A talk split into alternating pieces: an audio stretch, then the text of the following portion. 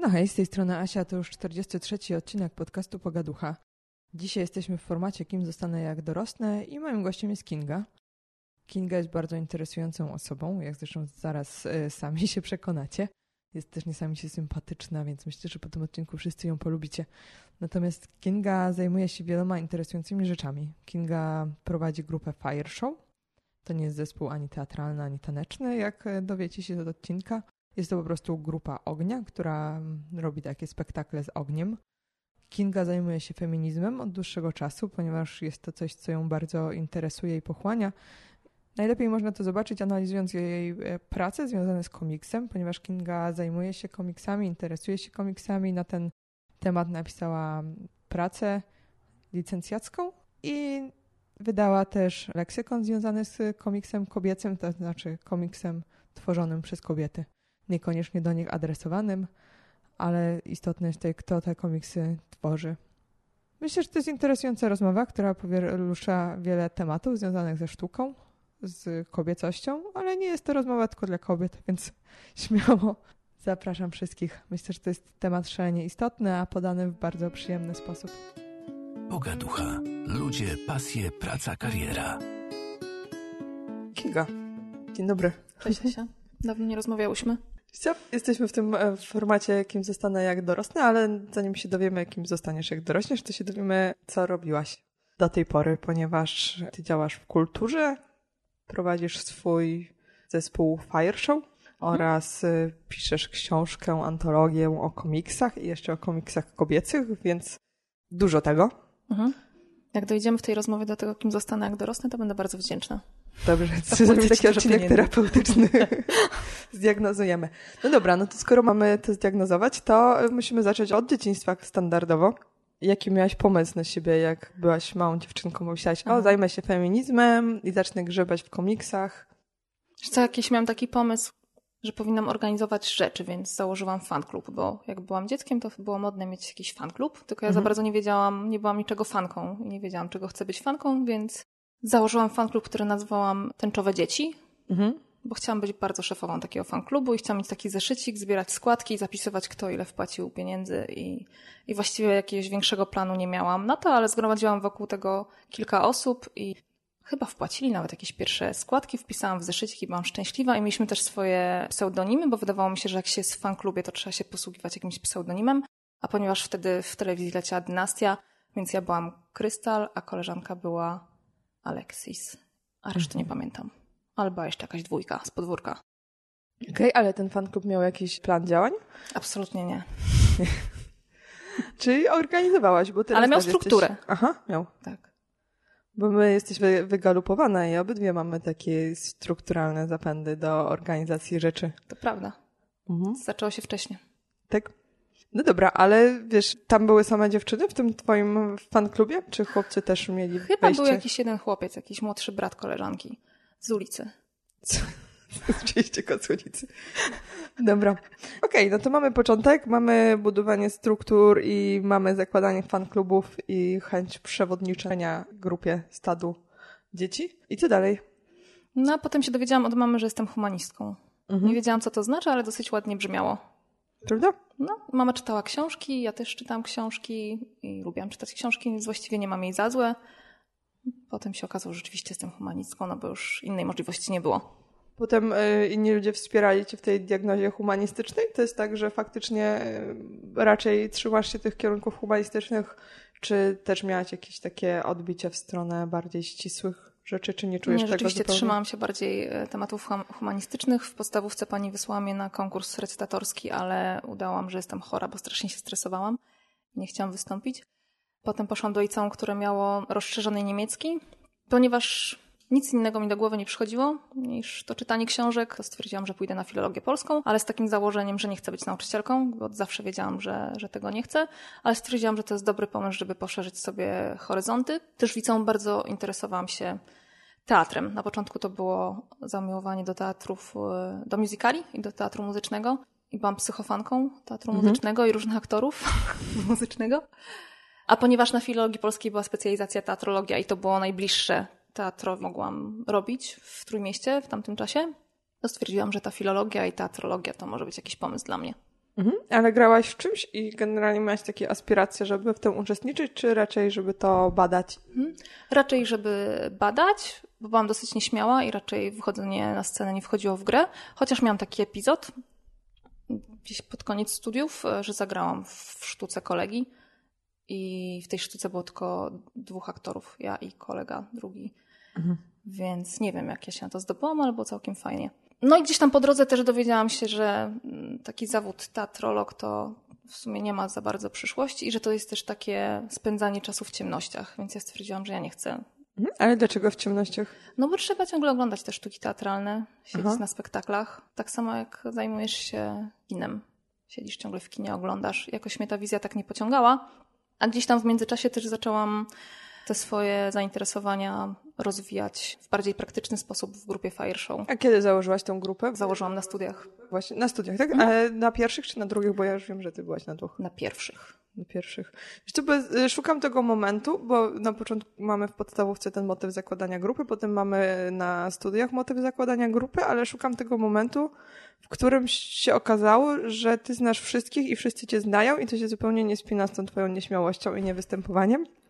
Bo jakby nie ma takiej grupy, do której nie, nie, nie przyjdziesz i nie powiesz, a moja koleżanka Kinga i oni mówią, a ta Kinga i każdy cię zna tylko z jakiegoś innego, z innej kategorii, tak, że tutaj a przez pracę, a przez coś, a nawet nie pamiętam, a gdzieś widziałem. No i, i będę się starała dociec, jak to się wydarzyło, mhm. bo mało jest ludzi, którzy cię nie znają, patrząc po, przynajmniej mi, mi się zdarza e, w wielu kręgach, nawet po tym jak w podcaście u Dominika Juszczyka powiedziałam, że będę rozmawiać z Kingą, która robi antologię komiksu, to ludzie zaczęli do mnie pisać, a, ta Kinga. Więc jesteś bardziej Miłe popularna bardzo. niż... Nie, Ciekawe, czy ja znam tych ludzi. Mhm. Nie wiem, wiesz, to, to nie zawsze działa chyba w ten sposób. Mhm. Na przykład zauważyłam, że tacy ogniście ludzi, e, ludzie mhm. Są bardzo rozpoznawani przez wszystkich. Ale i, nikogo nie znają. I nikogo nie znają. no ja nie jestem e, ruda. Często się dzieją, ale wiesz... No, ale ognista trochę. Tak. No dobra, to jedziemy dalej i będziemy próbowali to ustalić. Okay. Mm, skończyłaś z tym teatrem. Znaczy stwierdziłaś, że nie chcesz siedzieć w ciemności. Stwierdziłam, że nie chcę siedzieć w ciemności, ale trochę wylądowałam w ciemności, bo fire show się robi po zmroku. Mhm. No ale się tą ciemność e, rozświetla. Rozświetla jak pięknie. Teraz Asia. pomyślałam, czy teatrologia to nie jest coś dla mnie. Rozświetlać ciemność. Nie, właśnie siedzieć w ciemności, siedzieć w ciemności. nie wychodzić, nikogo nie widzieć. Piękna sprawa. No dobrze, ale to kiedy poszłaś w kierunku komiksu? Bo będziemy dzisiaj Aha. dużo rozmawiać o komiksie. No tak, no okej. Okay. To najpierw, najpierw był ten teatr i Fire Show, które jakoś... Ja nie wiem w sumie, czy Fire Show powstało z teatru, bo to, co robiliśmy, było bardzo nieteatralne i szło raczej w kierunku rozrywki i wręcz bardzo nie chciałyśmy, żeby to E, na przykład nie chciałyśmy nigdy być nazywane Teatrem Ognia, bo wydawało, zwłaszcza mi, osobie, która się teatrologią zajmowała, studiowała to, wydawało mi się to dużym nadużyciem nazywać się Teatrem Ognia, zwłaszcza jak widziałam, co się za tymi Teatrami Ognia kryje, a zazwyczaj był to taki schemat walki dobra ze złem i po prostu dla mnie to była kupa i nie chciałam tego robić i nie chciałam też tego, mimo że to, co my robiłyśmy było nieco bardziej teatralne, to bardzo nie chciałam tego w taki sposób nazywać. Nie chciałam też tego nazywać tańcem ognia, bo żadna z nas nigdy nie była i nie jest tancerką, więc to wydawało mi się kolejnym nadużyciem. Dlatego nazywałyśmy się po prostu grupą Fire Show. I z tego zainteresowania Fire Show weszłyśmy w ogóle w takie środowisko osób, które zajmuje się czymś takim, co nazywa się nowy cyrk. Mhm. Czyli cyrkiem, czy pokazami, czy sztuką, która wykorzystuje siłę i kreatywność ludzi, a nie wykorzystuje do tego zwierząt. I to jest taki nurt cyrkowy, który rozwija się bardzo prężnie na całym świecie. Został upowszechniony przez Cirque du Soleil, pierwszy cyrk taki znany globalnie i z wielkim rozmachem, który robi takie ogromne, wspaniałe, piękne spektakle i nie angażuje w nie zwierząt. Więc to jest w ogóle fajny model biznesowy, to co oni zrobili. I my w tym środowisku zaczęłyśmy jako grupa działać głównie ja i moja przyjaciółka Monika, bo my byliśmy takimi kołami napędowymi grupy, jeżeli chodzi o organizację, jakieś nowe pomysły, i miałyśmy taką ambicję, że trochę połączyć to towarzystwo ludzi, mhm. którzy zajmują się akrobatyką, żonglerką, fire show w Trójmieście. I zaczęłyśmy organizować najpierw taki festiwal w Gdyni, festiwal rytmu i ognia Frog, który nam się trochę dostał w spadku po jego pierwotnych twórcach, bo to nie my go wymyśliłyśmy, tylko wymyślił go taki pan Andrzej Mańkowski i wraz z Rodriguezem Porębskim, który jest bębniarzem, Andrzej jest reżyserem. I po pierwszej edycji, w której my brałyśmy udział jako grupa, bo to był też konkurs dla grup Fire Show. On stwierdził, że nie ma czasu się tym zajmować, ma jakieś inne projekty i ponieważ wiedział, no właśnie, ja nie wiem skąd on wiedział, może to trochę ten wątek, o którym mówisz, że on coś o mnie wiedział i gdzieś mu tam grało, że ja potrafię organizować rzeczy. Więc za, zaproponował nam organizację tego festiwalu, właściwie mi. Ja do tego doprosiłam moją przyjaciółkę i zaczęłyśmy ten festiwal co roku organizować i przez to też rzeszać i ściągać do, do Gdyni fajne grupy też z zagranicy. A gdzieś tam w międzyczasie jeszcze organizowałyśmy spotkania cotygodniowe dla żonglerów, gdzie mogli sobie, sobie trenować w dużej, fajnej sali i się poznawać i wymieniać umiejętnościami. I to był jakby jeden wątek, który, w którym ja bardzo mocno siedziałam i wtedy wpadłam na pomysł, żeby założyć stowarzyszenie. Mhm. Bo miałam taką ambicję i taką marzenie, żeby ściągnąć do Polski taki wielki konwent europejski, żonglerski, który nazywa się European Juggling Convention. Tylko, że jak założyłam już to e, stowarzyszenie w końcu, bo to był dosyć żmudny proces i trochę to trwało, to mi się zmieniły zainteresowania i zaczęłam się interesować komiksami. Więc pierwszy projekt, który moje stowarzyszenie, które istnieje do dzisiaj, nazywa się Arteria, zorganizował, był, były warsztaty dla dziewczyn. Dziewczyny też rysują komiksy. Mhm. Dobra, a powiedz mi jedną rzecz, nie bałaś się tego? Czy tak, wiesz, tak z bańki, że przejmujesz festiwal i będziesz go organizować i rozmawiać z ludźmi, ich namawiać na wszystko i sprawy techniczne ogarniać i pewnie jakąś papierologię też związaną z tym. Mhm. Nie miałaś takiego zwątpienia, że czy stwierdziłaś, że skoro masz tą bazę już po tym podstawowkowym kółku tęczowych dzieci, to nie no, mega się bałam. Pamiętam, że musiałam też namawiać tą moją przyjaciółkę, żeby w to weszła, ale wydawało mi się to super szansą i super interesujące i po prostu strasznie, strasznie chciałam to robić. I rzeczywiście było tak, że od tego poprzedniego organizatora dostałyśmy i jeszcze tam jednej dziewczyny, która nam pomagała, dostałyśmy taki jeden segregator i ona powiedziała, słuchajcie, tu jest wszystko, czego potrzebujecie, żeby zorganizować ten festiwal. Tam mhm. było kilka kartek, kilka telefonów, jakiś tam zeszłoroczny program, no dobra, no to okej, okay, no to jazda. No i pierwszy rok wyglądał tak, że to było bardzo stresujące i to chyba był jedyny okres w życiu, kiedy ja schudłam z nerwów, bo schudłam wtedy 6 kilo i popełniłyśmy masę błędów. Między innymi wypuściłyśmy plakaty, na których nie było e, miejsca, w którym odbywa się festiwal, więc przez całą noc robiłyśmy doklejki na plakaty. No i dużo różnych innych kwiatków. A potem już było łatwiej. I mhm. tak pociągnęłyśmy ten festiwal przez 8 lat. Czyli w międzyczasie zaczęłaś też kolejne studia i w międzyczasie zaczęłaś się interesować komiksem? Tak, to miało trochę związek właśnie z tym, że byłam zaangażowana i we Froga, i w Mamadu, które dosyć prężnie się wtedy rozwijało i jeszcze sobie z koleżanką wymyśliłyśmy, że założymy firmę, więc no to wszystko się tak składało, że nie, nie widziałam siebie w pracy etatowej, bo musiałabym zrezygnować z tych projektów, więc chciałam doprowadzić do takiej sytuacji, że, że robię coś dalej, rozwijam się i ciągnę te projekty, więc przy okazji te, te drugie studia wydawały mi się takim dobrym pomysłem, żeby jeszcze rozszerzyć swoje horyzonty i zdecydowałam się pójść na kulturoznawstwo, ale już e, tylko na, na licencjat. Bo magistra już miałam, więc stwierdziłam, że zrobię sobie tak dodatkowo licencjat na kulturoznawstwie. Ale zaczęłaś się e, zajmować wtedy komiksem kobiecym, jak już się wygadałaś i będziemy rozmawiać sobie o tych kobietach i trochę o feminizmie w kontekście mm, komiksów właśnie. Mhm. Skąd y, ci się wziął ten feminizm? Nie wiem dokładnie skąd mi się wziął feminizm. To było trochę jak z byciem humanistką, że ja wiedziałam, że jestem feministką, zanim jeszcze dokładnie znałam definicję tego terminu. I bardzo mnie ciągnęło do tego tematu i na początku studiów trafiłam do takiej grupy, która działała przy Uniwersytecie Gdańskim i rozmawiała o feminizmie. To było takie Najpierw to była taka otwarta grupa, a potem to się przemieniło w koło naukowe Gender Studies. I tam były kobiety i mężczyźni z różnych kierunków. To były wykładowczynie, to były studentki, artystki, polityczki. I spotykaliśmy się co tydzień i rozmawialiśmy sobie o tym, jak rozwijał się feminizm, o różnych ciekawych wystawach, książkach, które wychodziły na ten temat, o zjawiskach społecznych, jakichś sytuacjach politycznych. I to był taki moment, kiedy ja po raz pierwszy poczułam, że jestem wśród swoich, że w ogóle to nie jest tak, że ja zwariowałam, tylko że świat jest trochę szalony i to było bardzo przyjemne uczucie i bardzo wiele mi dało. Ale co ci się wydawało, że jest nie tak, zanim stwierdziłaś, że jednak ty czy dobrze interpretujesz świat, mm. że, że, że coś jest nie tak? No na przykład jeżeli na sali wykładowej, na której e, jest e, setka kobiet, która studiuje filologię polską, wykładowca mówi, że my się nadajemy tylko do rodzenia dzieci, właściwie to chyba jesteśmy tutaj tak hobbystycznie, a potem będziemy nauczycielkami i mam zmarnowane życie, a nie czeka nas żadna kariera naukowa, bo jesteśmy kobietami, się do tego nie nadajemy, to jednak jest coś nie tak i nie trzeba reagować tak jak większość sali chichotem, że to takie zabawne, tylko mhm. trzeba się temu sprzeciwić. A może jakiś pomysł, dlaczego to jest zawsze chichot? Bo jakby mm, Ja się spotykałam z tym wielokrotnie też na uczelni i z wykładowcami, którzy mówią różne rzeczy i im się to wydaje zabawne, już pomijając jakby tutaj, że każdy przykład dla kobiet to musi być na temat lakierów do paznokci i torebek, mhm. bo nie wiadomo dlaczego, bo im się to wydaje zabawne, tylko że, znaczy to może być zabawne, dopóki nie przechodzimy do tego, że jak mamy zajęcia z rachunkowości finansowej i sobie rozmawiamy o tym, kto chce zostać dyrektorem finansowym, to ten dyrektor finansowy już jest raczej mężczyzną i raczej patrzymy w tą garstkę trzech mężczyzn kulonych gdzieś pod ścianą i czekamy, aż oni się zgłoszą, nie? Tak samo czy przy wystąpieniach publicznych.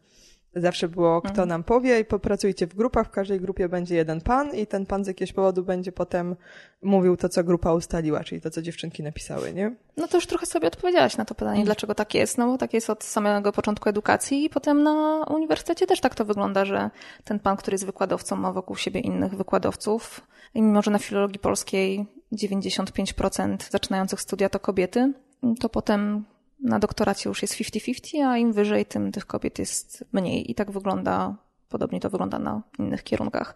Więc taki pan sobie żyje w takiej męskiej bańce. A dziewczyny, dlaczego tak reagują? No, z jednej strony dlatego, że jak w taki sposób nie zareagują, to ktoś im zarzuci, że nie mam poczucia humoru i są strasznymi feministkami. Z drugiej strony pewnie czują jakiś autorytet i nie wiedzą, jak zareagować. A z trzeciej strony myślę, że są trochę w szoku. I mhm. jest to dlatego nerwowy chichot. A kto przychodzi na te spotkania feministek? Kto tam się zjawiał? Wiesz, bo niektórzy pewnie usłyszeli to i się przyrazili, że mhm. tam chodzi jakaś banda nawiedzonych babochłopów i poruszają temat in vitro i aborcji na zmianę i jakby no. tym się głównie w życiu zajmują. Są takie tam stereotyp. Też pewnie poruszają. Nie wiem, czy one się nadal odbywają, prawdę mówiąc, w tym momencie. Chyba już nie. Natomiast w tych czasach, kiedy ja tam chodziłam, to były wykładowczynie różnych kierunków, między innymi też z filologii polskiej, takie, które takie tematy starały się też rozwijać gdzieś na swoich zajęciach. No, to byli też e, wykładowcy trochę z Akademii, z Akademii mhm. Sztuk Pięknych, trochę studentek, no głównie uniwersyteckie środowisko, mhm. różne pokolenia. I potem ta grupa też między innymi zajęła się organizacją corocznych manif. Więc rzeczywiście dla kogoś z zewnątrz może się wydawać, że to była jakaś grupa radykałek i mhm. radykałów. Mhm. I pewnie dla kogoś, kto tematu nie zna, jakby przyszedł posłuchać, mogłoby to tak brzmieć. Mhm. Bo jest to dosyć hermetyczny temat, jeszcze na takim poziomie akademickim. Ale właśnie ludzie potrafią o tym rozmawiać w jakiś taki ludzki sposób? Czy to jest tak, że albo akademicko i właśnie kolejne mm, fale feminizmu i analizujemy mhm. sobie tło historyczne, czy już jesteśmy w stanie mówić prostym językiem i gdzieś tam. Czy to może nie ma sensu mówić prostym językiem, bo to może no. nie jest temat, o którym warto mówić prostym językiem, bo wtedy idziemy w banał, nie? Też może tak być. No mi się wydaje, że od tamtego czasu to się jednak wiele zmieniło i ten temat wszedł w taki dyskurs popularny i pojawiał się w prasie. Teraz już można mówić o feminizmie prostszym językiem. Nie każdy musi też mieć taką wiedzę, żeby jeżeli się tematem w jakiś sposób interesuje, czy chce się uznawać za feministę, feministę bądź feministkę, to nie musi znać tej całej historii. To pewnie jest domena jakichś osób, które bardziej dogłębnie się tym tematem z jakiegoś powodu interesują.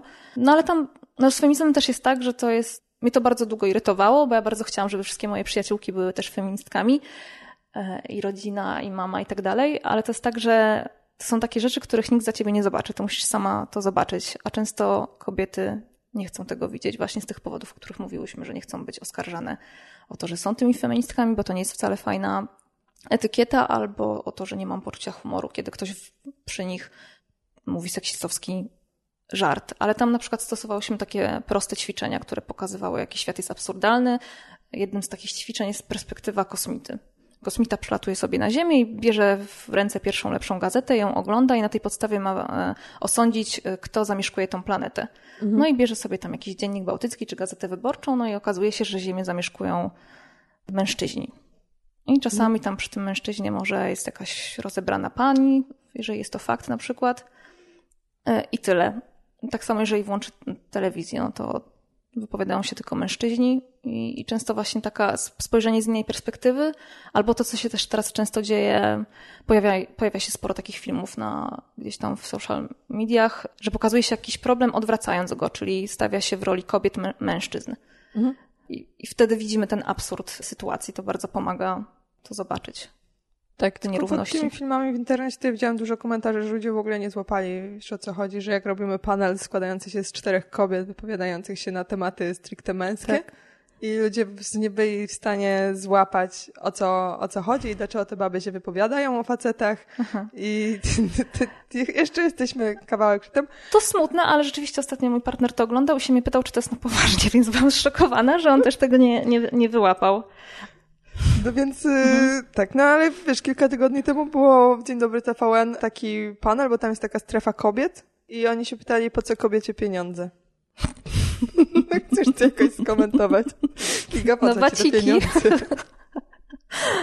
tak, bo to był taki moment, kiedy ja już myślałam, że jak już jest dobrze, a potem pan z pełną powagą pytał się pań na fotelu, bo to były akurat kobiety mhm. zaproszone, dziwne, że się mężczyzn nie pytali, po co kobiecie pieniądze, ale zapytali się kobiet, po co kobietom pieniądze i kobiety się tłumaczyły z tego, że mają taką potrzebę bezpieczeństwa, ale pan mówił, się, że no. jego babcia to w wieku lat 20 była żoną i była szczęśliwa. Znaczy, ciekawe skąd wie. Ojej, no wiesz, no przez wieki tak było.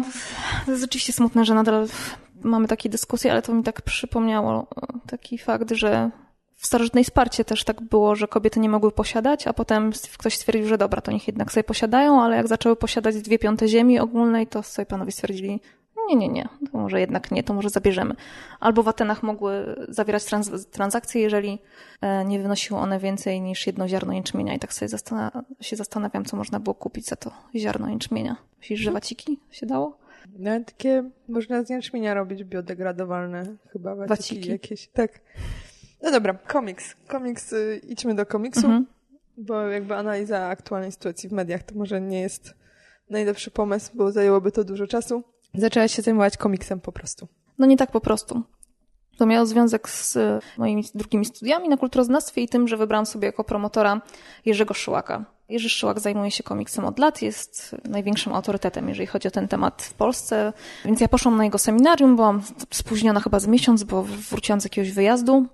Byłam bardzo zdziwiona, przyszłam na to seminarium, bo okazało się, że tam na, nie wiem, 15 osób może jedna pisała coś o komiksie, więc mnie to dziwiło, że przychodzą do eksperta od komiksu, ale piszą na przykład o kinie, którym, na którym on też się dobrze zna, ale jednak komiks to jest ta jego główna domena. Więc ja stwierdziłam, że to jest świetna okazja, żeby nauczyć się czegoś o czymś, o czym nie wiem zbyt wiele. I powiedziałam, że chciałabym pisać o komiksie i chciałabym pisać o czymś, o czym nie mam pojęcia. I mój promotor powiedział, że okej, okay, w takim razie za tydzień mam sobie przemyśleć, co, co to konkretnie miałoby być, e, jeżeli chodzi o komiks i za tydzień mam przyjść z jakimiś propozycjami. Więc ja sobie wymyśli, wymyśliłam, że albo komiks autobiograficzny, albo komiks kobiecy w związku z tymi moimi zainteresowaniami feminizmem. A ponieważ jako pracę magisterską miałam taki temat, który był dosyć ciężki e, i brzmiał on Autoagresja i inne demony o mowie zranionego ciała, mhm. i był o autoagresji kobiet w sztuce, mhm. czyli w ogóle nie filologiczny, bo pisałam o kinie, o, o performansach. Mm, to stwierdziłam, że teraz wolałabym coś takiego przyjemniejszego może, żeby nie było krwi, mhm. ale nie do końca się udało. No i promotor powiedział, że okej, okay, tam autobiograficzny to nie, bo już jest jeden człowiek, który o tym pisze u niego, to może o tym komiksie kobiecym niech ja sobie piszę. No ale wie pani, to będzie cienka praca, bo, bo takich kobiet to jest tam może pięć. Mhm. Ja się zdziwiłam, pomyślałam, że pan się na pewno myli, mimo że jest znawcą i ja mu pokażę, że się myli. I to była mhm. moja ambicja i zaczęłam grzebać, szukać na temat tych kobiet. I jak przyszłam do niego z listą tam około 80 czy 100 nazwisk, to powiedział, no to fajnie, to pani Kingo, proszę zrobić, e, napisać tą pracę, napisać o tych kobietach, o, o ich historii i zrobić do tego antologię, odezwać się do tych kobiet, które teraz tworzą i, i my to wydamy. Tylko jest jedna rzecz, która jest bardzo niezrozumiała, bo dziewczynki rysują. Jakby w moim świecie tak zawsze było. Że dziewczynki rysowały i na wszystkie organizowane w szkole imprezy zawsze było trzeba narysować kwiatka, panią wiosnę, na dzień Wagarowicza, na pierwszy dzień wiosny, Marzannę. 11 listopada orła i flagę, no i to zawsze robiły dziewczynki, ponieważ wiadomo, że dziewczynki są bardziej utalentowane. Staranne.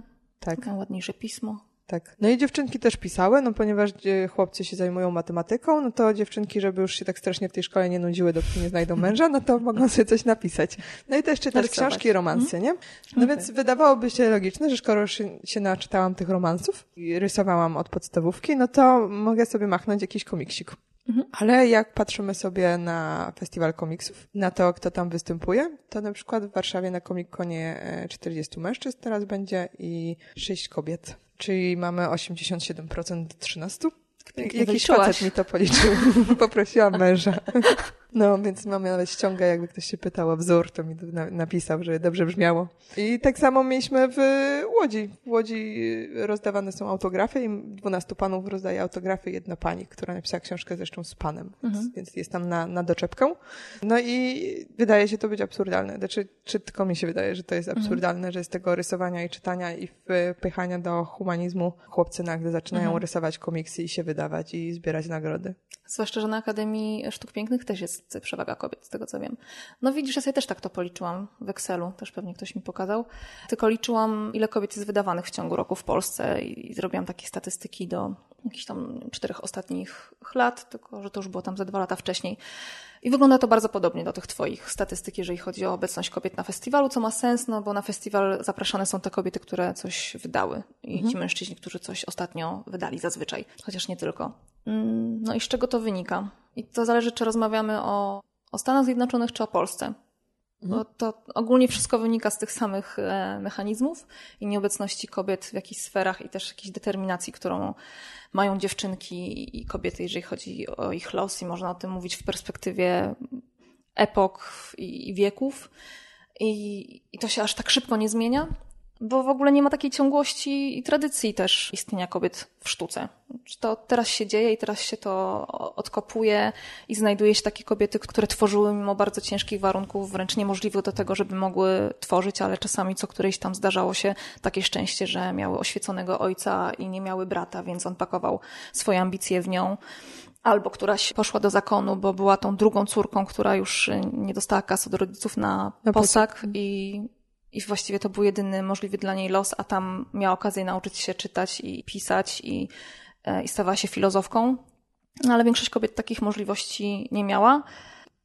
Jeżeli mamy sobie odpowiedzieć na pytanie, dlaczego nie było wielkich artystek, to właśnie dlatego. Jest też bardzo fajny tekst na ten temat, takiej badaczki sztuki e, Lindy Nolin z 71 roku, dosyć stary, ale bardzo na czasie nadal, w którym ona rozbraja wszelkie mity, bo normalnie jak zadajemy takie pytanie, to właśnie zaczyna się takie, no ale była tamta, tutaj tam była Edmonda Lewis, albo Artemizja, albo ktoś tam i, i zaczynamy, wy, wiesz, panicznie wyszukiwać te kobiety, którym się udało i pokazywać, że one jednak były, no ale ich nie ma na kartach historii. Mhm. Więc tak naprawdę to trzeba to spojrzenie przenieść z patrzenia na kobiety na system, w którym, w którym one funkcjonowały, w którym funkcjonują mężczyźni i to, jak ten system działa. I żeby zilustrować to, to ona dała też taką fajną analogię, że nie było też wielkich artystek wśród, czy artystów wśród arystokratów, bo im był pisany inny los.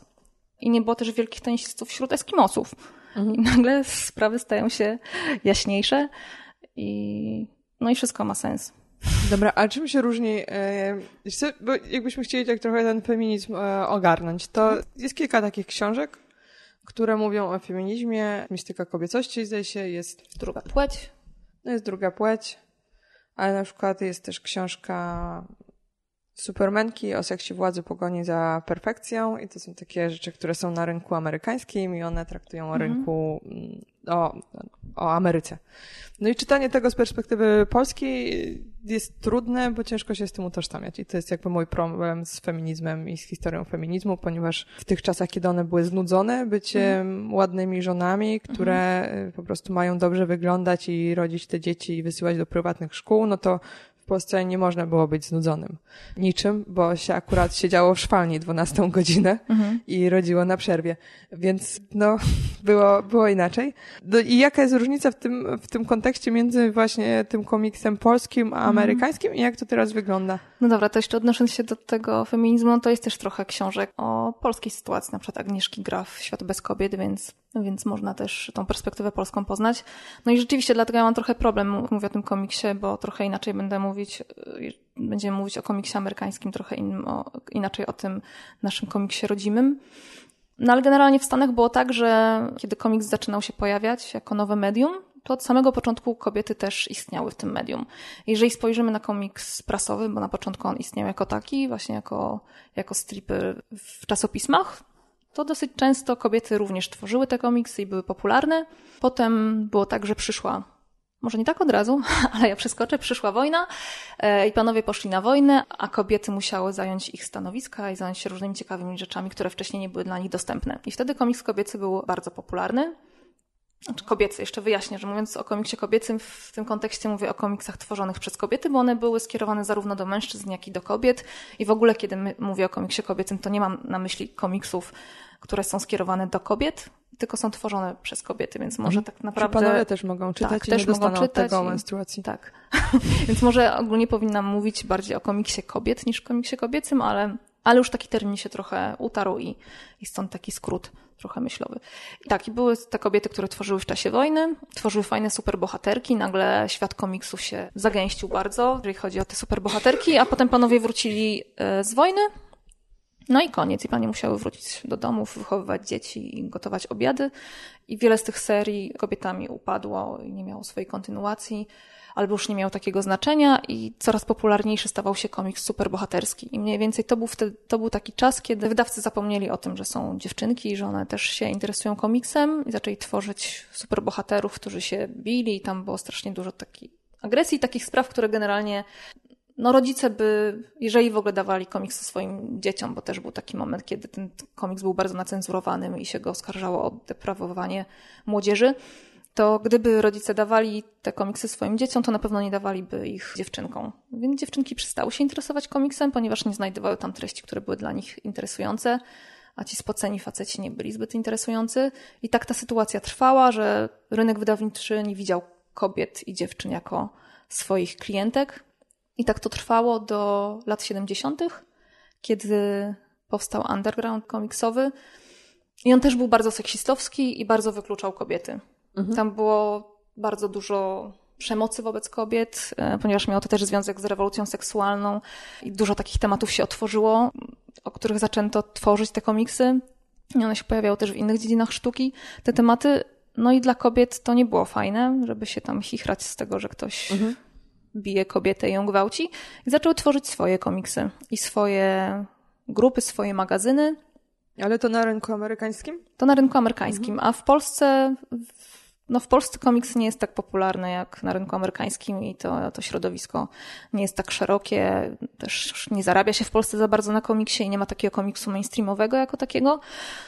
I w Polsce wyglądało to tak, że jeżeli prześledzimy obecność kobiet w tych początkach komiksu, no to, to są pojedyncze nazwiska.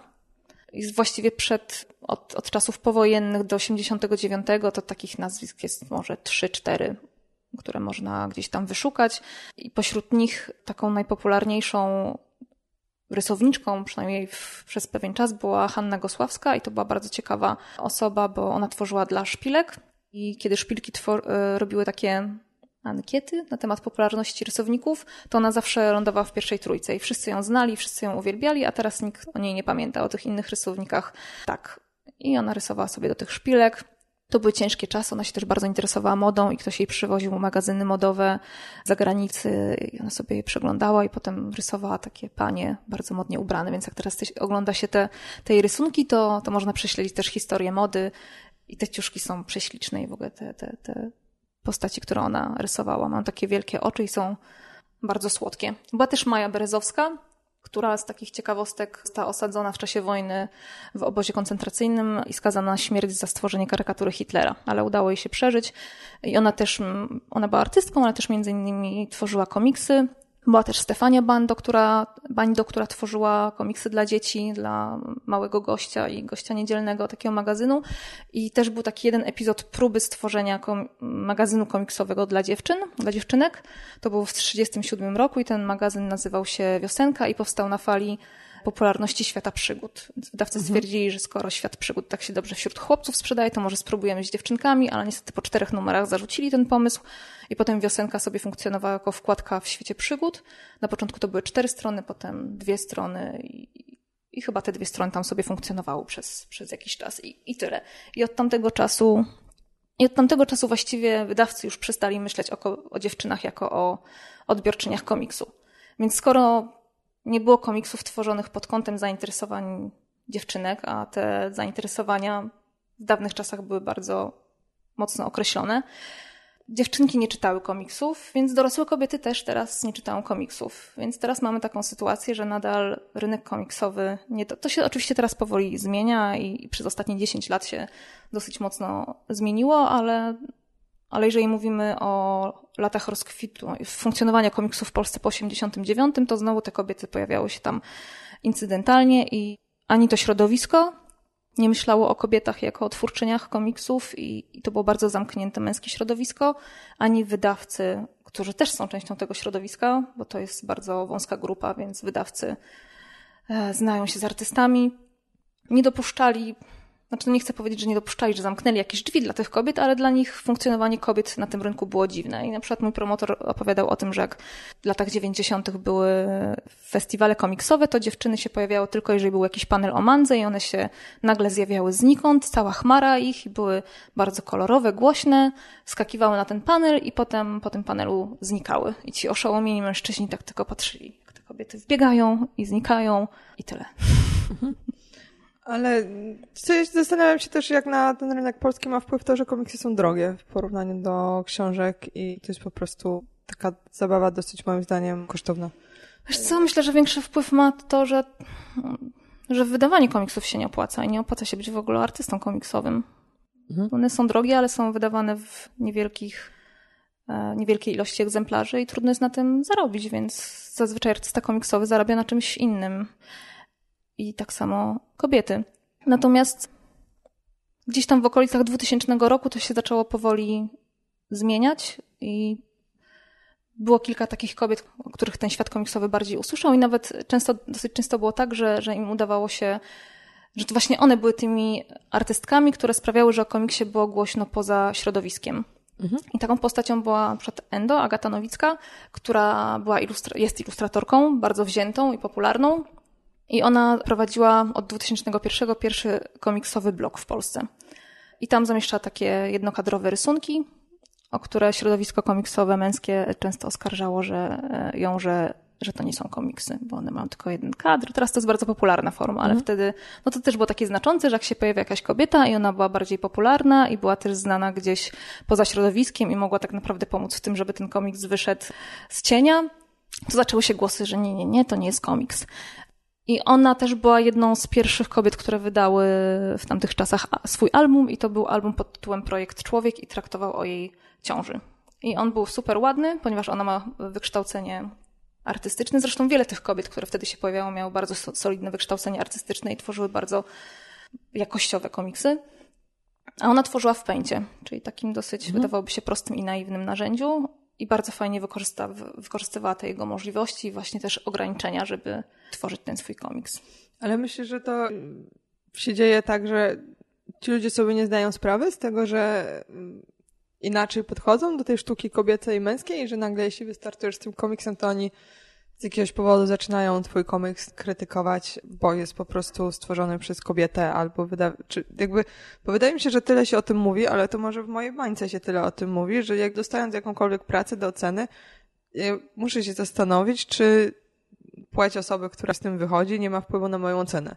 Wydawałoby się logicznym ale być może jest tak, że ja za dużo przeczytałam różnych badań i za dużo, mm. za bardzo sobie zdaję sprawę z tego, że to po prostu wpływa na mnie i mój odbiór, bo to nie jest tak, że ja jestem wolna od jakichś takich no w takim świecie żyjemy, tak się wychowaliśmy i ja często też mi się zdarza y, odruchowo wybrałabym faceta z jakiegoś powodu. Mhm. Nie wiem, no i potem sobie myślę, że to bez sensu, bo on jest tak naprawdę mniej kompetentny, no ale pakujemy się w taką pułapkę. No i pytanie, oni sobie nie zdają z tego sprawy, myślisz? Czy mają to gdzieś po prostu?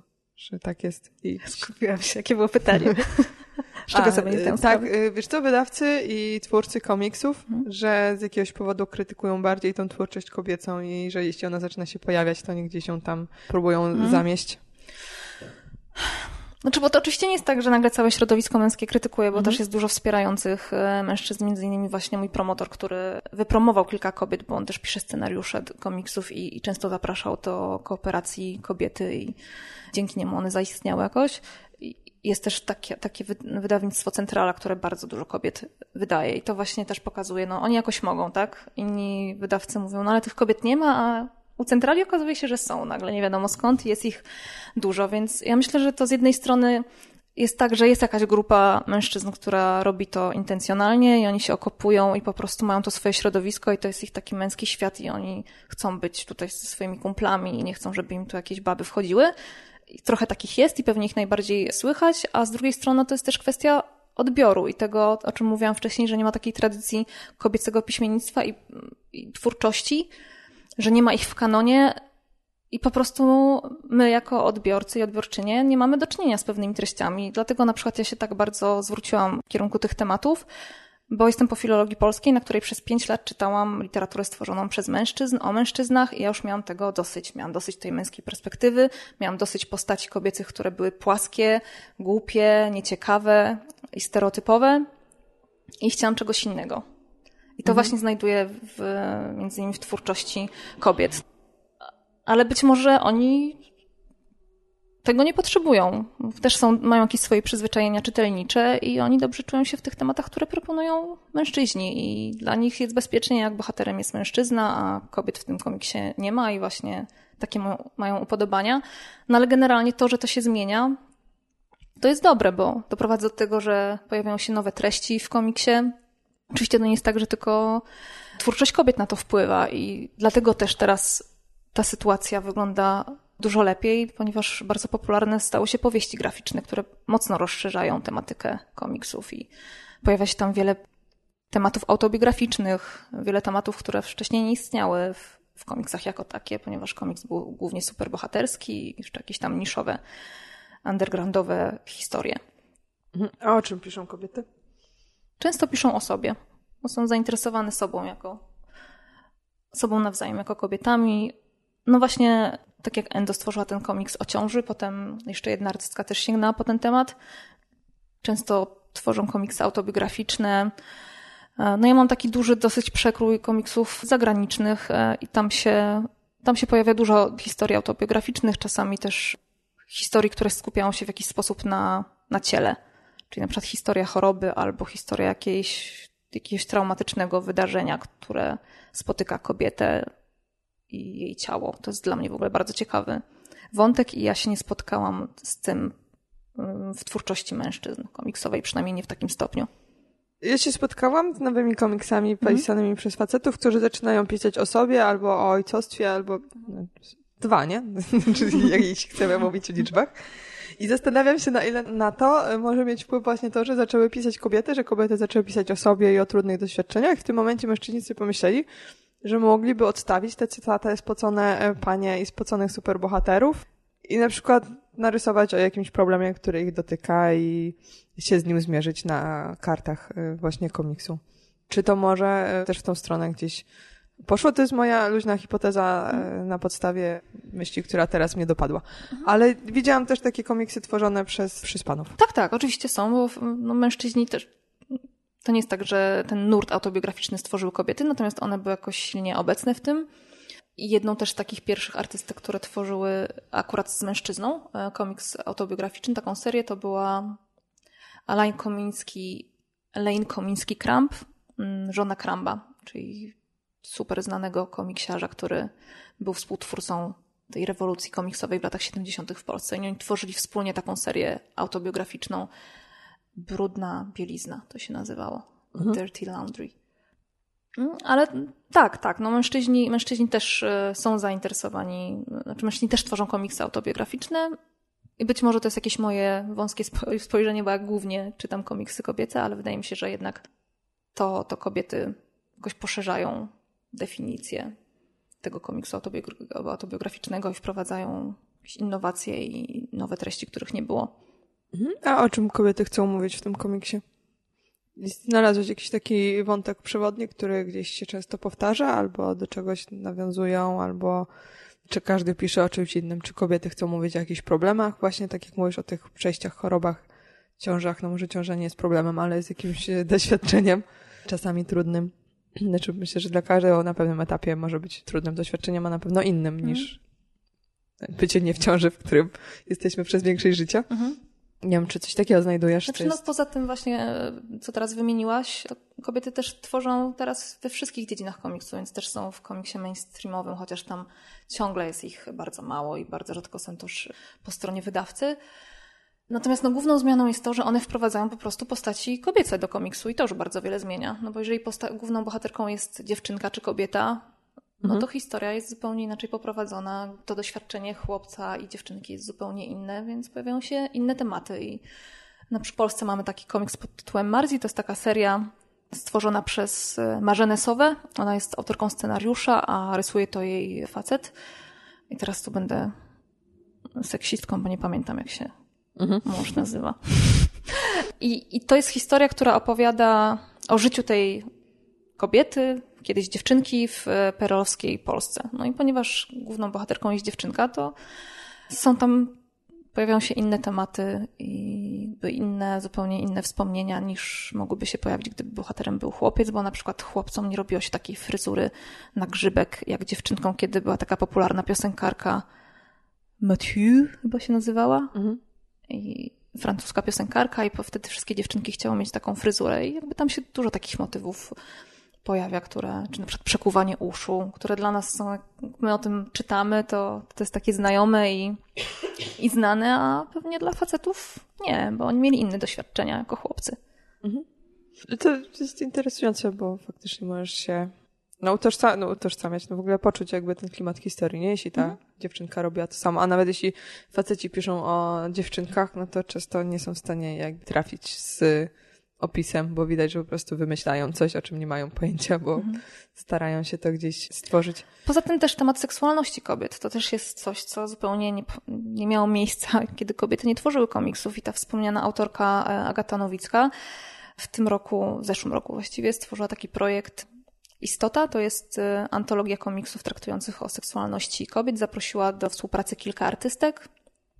Zrobiły kampanię crowdfundingową. Crowdfunding to w ogóle świetny temat.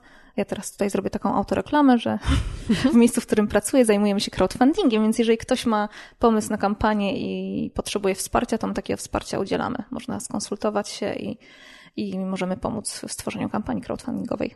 Możesz jeszcze powiedzieć, gdzie e, pracujesz? W Gdańskim Inkubatorze Przedsiębiorczości Starter. Polecam. Mhm. Kinga Kuczyńska. Więc ona przy pomocy crowdfundingu zebrała pieniądze na, na ten komiks i, i go wydały. No i opinie są różne na temat tego zbioru.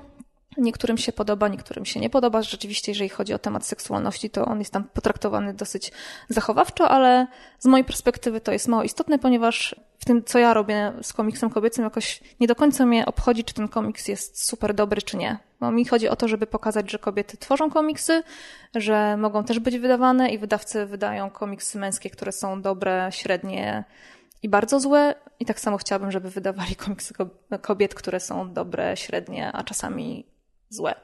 Mhm. I też to chciałam zrobić, wydając swoją antologię i tą część teoretyczną, którą napisałam na temat historii komiksu polskiego w Polsce. Ja tam zebrałam 40 autorek, które narysowało 38 komiksów albo 36.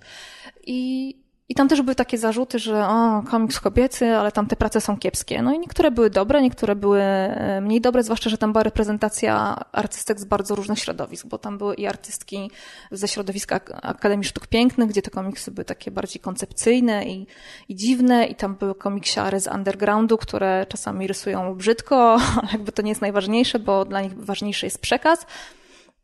I były komiksy bardzo dobre, więc to też mnie denerwuje i to jest jakby często taka reakcja, kiedy mówi się o, o czymś, co tworzą kobiety, że to musi być super dobre.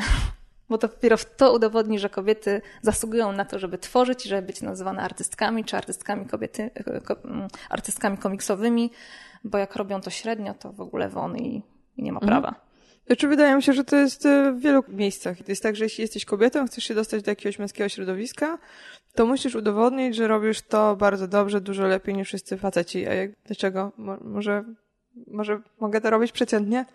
No, ale ja uważam, że kobiety powinny być w różnych miejscach się pokazywać i dla mnie to jest interesujące w polityce na przykład, że gdybyśmy szli w stronę parytetów, to kobiety w polityce często są bardzo złe, już nie mówiąc o tym, że wszyscy facet, większość facetów w polityce jest bardzo źle, no ale inaczej, jeśli wychowujemy się w świecie, kiedy w polityce nie ma kobiet, to w mhm. ogóle nam nie przychodzi jako dziewczynkom do głowy, że możemy zostać politykiem. No, jeśli dokładnie. widzimy kobiety, które zachowują się jak idiotki i robią złe rzeczy, to sobie pomyślimy, o dobrze, no to ja też jestem dziewczynką, też mogę tam być, ale jestem bystrzejsza. Będziemy tam iść i wydaje mi się, że to jest istotne, bo często sobie nie zdajemy sprawy, natomiast jest jeszcze dużo rzeczy do zrobienia i w wielu miejscach nie ma kobiet, a nawet jak są, to są ignorowane. Bo my tak jesteśmy, Asia, ciągle w tym temacie mm, komiksu kobiecego i to, jak on się rozwijał. No i jeżeli chodzi o to, jak to wygląda teraz, to teraz mamy trochę taką rewolucję i to znowu widać bardziej na rynku amerykańskim, bo ja już nie jestem w stanie nadążyć za kobietami, które są tam wydawane. W pewnym mm. momencie jeszcze to śledziłam, a teraz nie nadążam i tych komiksów jest bardzo dużo.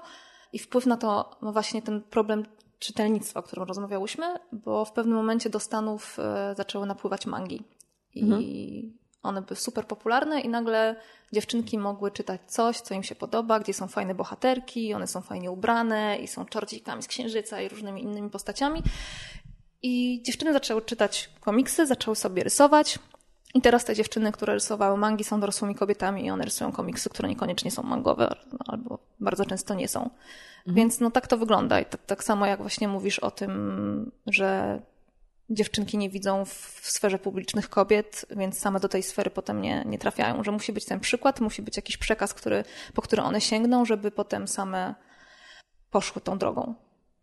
Myślisz, że ten polski rynek też nadgoni i, i, pójdzie w tym kierunku, że tych kobiet zacznie się pojawiać więcej? One już są, jest ich dużo więcej, ale głównie funkcjonują w internecie, ponieważ no, ten rynek wydawniczy, wydawniczy jest trudny, jest wąski, mało osób czyta komiksy, mało osób kupuje komiksy, ale one są super popularne, jeżeli chodzi o blogi komiksowe czy funkcjonowanie w mediach społecznościowych. Mhm. To może jak znasz te komiksy fajne, internetowe, kupiece, to sobie podlinkujemy w ogóle, żeby ludzie mogli sobie poczytać, co tam w internecie się dzieje w komiksach. Dobra. Ja sobie też przypomnę, co czytałam, bo dawno nic nie czytałam online'owego. Czyli teraz wydajesz książkę. Tak, po tej pierwszej e, antologii, która była w 2012 wydana, teraz pracuję nad leksykonem, który ma zebrać historię komiksu kobiecego i to jest bardzo ambitne, ponieważ na całym świecie i z tym się wiąże kilka problemów i ten projekt niestety już trochę trwa, ponieważ e, to jest książka, antologia, której nie piszę tylko ja, tylko zaprosiłam kilku autorów i autorki. I starałam się też do, tak, tak dobrać ten skład, żeby tam była reprezentacja różnych krajów, natomiast no, są bariery językowe, więc ja na przykład nie czytam po francusku i mam problem z tym, żeby znaleźć kogoś, kto czyta komiksy po francusku, gdzie, gdzie, ten, gdzie rynek bardzo dobrze funkcjonuje i na pewno mogłabym znaleźć bardzo dużo fajnych przykładów, a jestem ograniczona tylko do tych, które zostały przetłumaczone. Większość osób zaproszonych do współpracy to są doktoranci i doktorantki, którzy właśnie piszą swoje prace doktorskie i przez to mają bardzo mało czasu, albo mają bardzo mało czasu, tak jak ja mam bardzo mało czasu, więc projekt trochę się ciągnie, ale już zmierzamy ku końcowi i z docelowych 100 haseł dotyczących 100 komiksów kobiet mamy 75. Więc mam nadzieję, że w przyszłym roku tę antologię uda się wydać. I oprócz tej, tam też jest część, która dotyczy komiksu japońskiego, bo ja się w tym komiksie nie specjalizuję, więc zaprosiłam takie dwie koleżanki, Agatę Włodarczyk i Martę Tymińską, które się w tym temacie specjalizują, więc będzie część dotycząca rozwoju tego komiksu, bo to też jest zupełnie inna historia, jak ten komiks w Japonii się rozwijał. A powiedz mi jeszcze, wracając do grupy Fire Show, którą dalej, której dalej działasz, bo ja się zastanawiam mocno, bo jest też taki stereotyp, wiesz, jak już jesteś tą feministką, to tak powinno się zachowywać poważnie i właśnie, że, że w ogóle powinno się zacząć zachowywać jak mężczyzna, tak najlepiej, jeśli chcesz działać w świecie na poważnych zasadach, i poważne rzeczy robić, a robienie fire show i bieganie w grupie kobiecej i wy tam robicie właśnie te, te wszystkie ognie i macie różne staniki palące się. No to I bardzo pasuje do stereotypu, no nie? Tak, no i właśnie się zastanawiam, czy, czy tak można. Wiesz, czy to nie jest tak, że, że jak się zachow zajmujesz feminizmem i czy zajmujesz w ogóle, uważasz, że mamy równe prawa, to mhm. czy jednak nie powinnaś zrezygnować z prawa do biegania w płonącym staniku? O Boże, nie wiem. No po pierwsze nie jestem zatrudniona na etacie feministki, a po drugie, no jakby ja nie, nie czuję się ograniczona przez jakiś ten stereotyp, o którym mhm. mówisz, ponieważ no może też funkcjonuję w takim środowisku, gdzie, gdzie te feministki były bardzo, pochodziły z różnych środowisk i były bardzo różne i niektóre były bardzo kobiece, inne były mniej kobiece i ja, nie wiem, ja nigdy nie czułam takich ograniczeń, chociaż wiem, wiem o czym mówisz i wiem, że taki problem istnieje, ale no ja, ja nie czuję się ograniczona przez y, miano mhm. feministki i myślę, że feministką można być na różne sposoby, ale mhm. najbardziej irytuje mnie kiedy kobiety odżegnują się od tego straszliwie i ostatnio na co miałyby ochotę to być nazwane feministkami, bo wydaje mi się, że to jest straszna obelga. Mhm. A ja jestem strasznie wdzięczna temu dziedzictwu, które mamy. po siostrach feministkach i sufrażystkach i, i dla mnie feministka brzmi dumnie. No tylko chciałam wiesz, nawiązać do tego, jaki jest problem z feministą. Znaczy, ja się spotykam z tym na przykład, jak pisałam coś, co było feministyczne, ale zapodane lekko.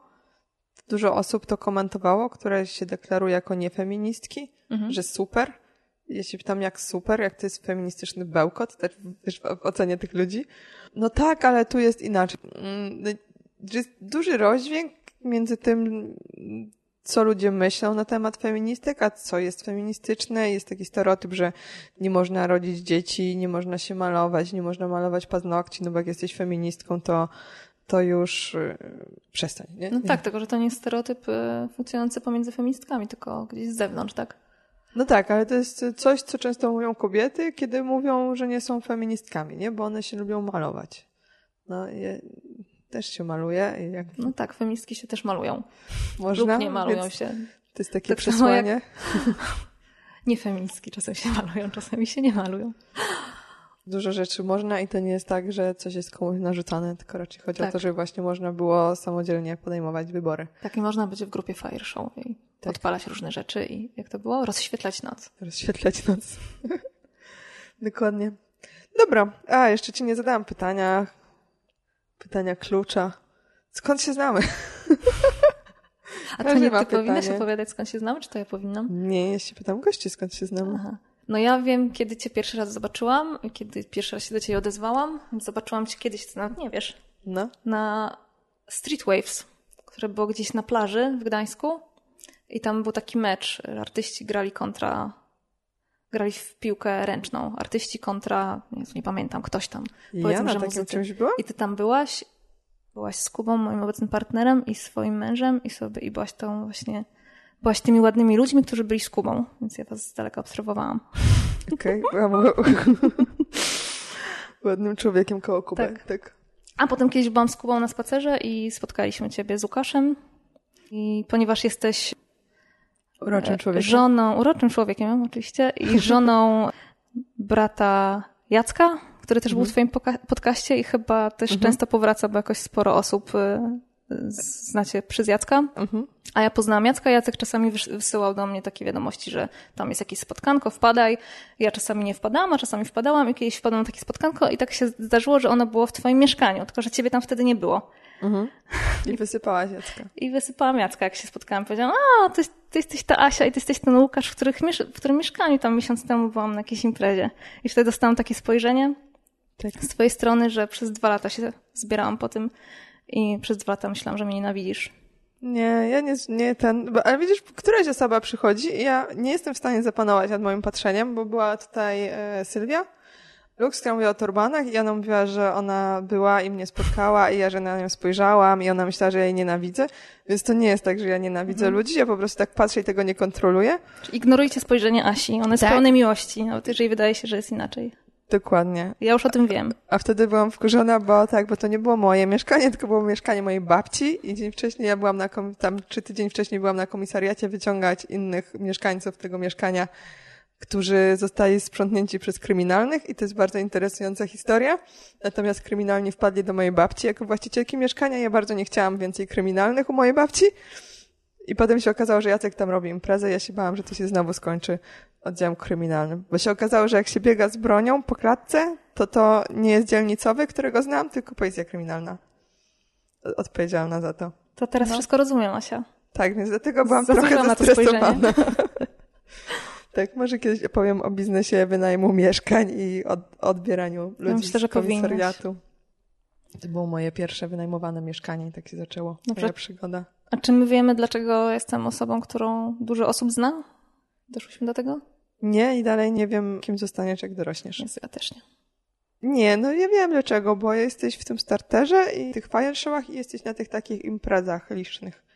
I znasz ludzi, którzy też znają dużo ludzi przez to, że są w dużych grupach ludzi i co tak. No tak, no funkcjonowałam w kilku środowiskach, Tak, które no, mnie interesowały i to chyba się. z tego wynika, Że te moje zainteresowania się zmieniały i wtedy się w nich zanurzałam jakoś tak mocno, mocno i próbowałam coś tworzyć i coś tworzyłam, a potem przychodziło następne. Tak, wydaje mi się, że to jest mocno kwestia łączenia środowisk. Bo ja na przykład zazwyczaj nie należę do żadnego środowiska na 100%, bo mi się nigdy nie udaje. Ale ja też nie. Ja ogólnie nie 100%. lubię być w środowisku. Bo zawsze mi się, jak jestem w takim środowisku, to widzę jakieś jego wypaczenia i tak mi się robi przykro i Tak. sobie myślę, że ja nie chcę. To jest może klucz do tego, żeby znać dużo ludzi. Też ostatnio. Ostatnio znam dużo ludzi. Więc na koniec chciałam powiedzieć, czytajcie kobiety, które tworzą komiksy, oglądajcie te komiksy. Są fajne, są ciekawe. W ogóle komiksy są fajne, kupujcie je, niech ten rynek w końcu się rozwinie, niech ci artyści, artystki zarabiają i tworzą dużo, Mhm. dużo komiksików fajnych. Dobra. Podlinkujemy dużo. Siądziemy, pomyślimy, podlinkujemy. Tak będzie, wejdźcie na stronę. Słyszymy się za tydzień w przerywniku i za dwa tygodnie słyszymy się z kolejnym gościem, który się będzie zastanawiał, kim zostanie, jak dorośnie, ale wam coś spoileruje, też się nie dowie. pa. To by było na tyle. Kolejny odcinek już za tydzień.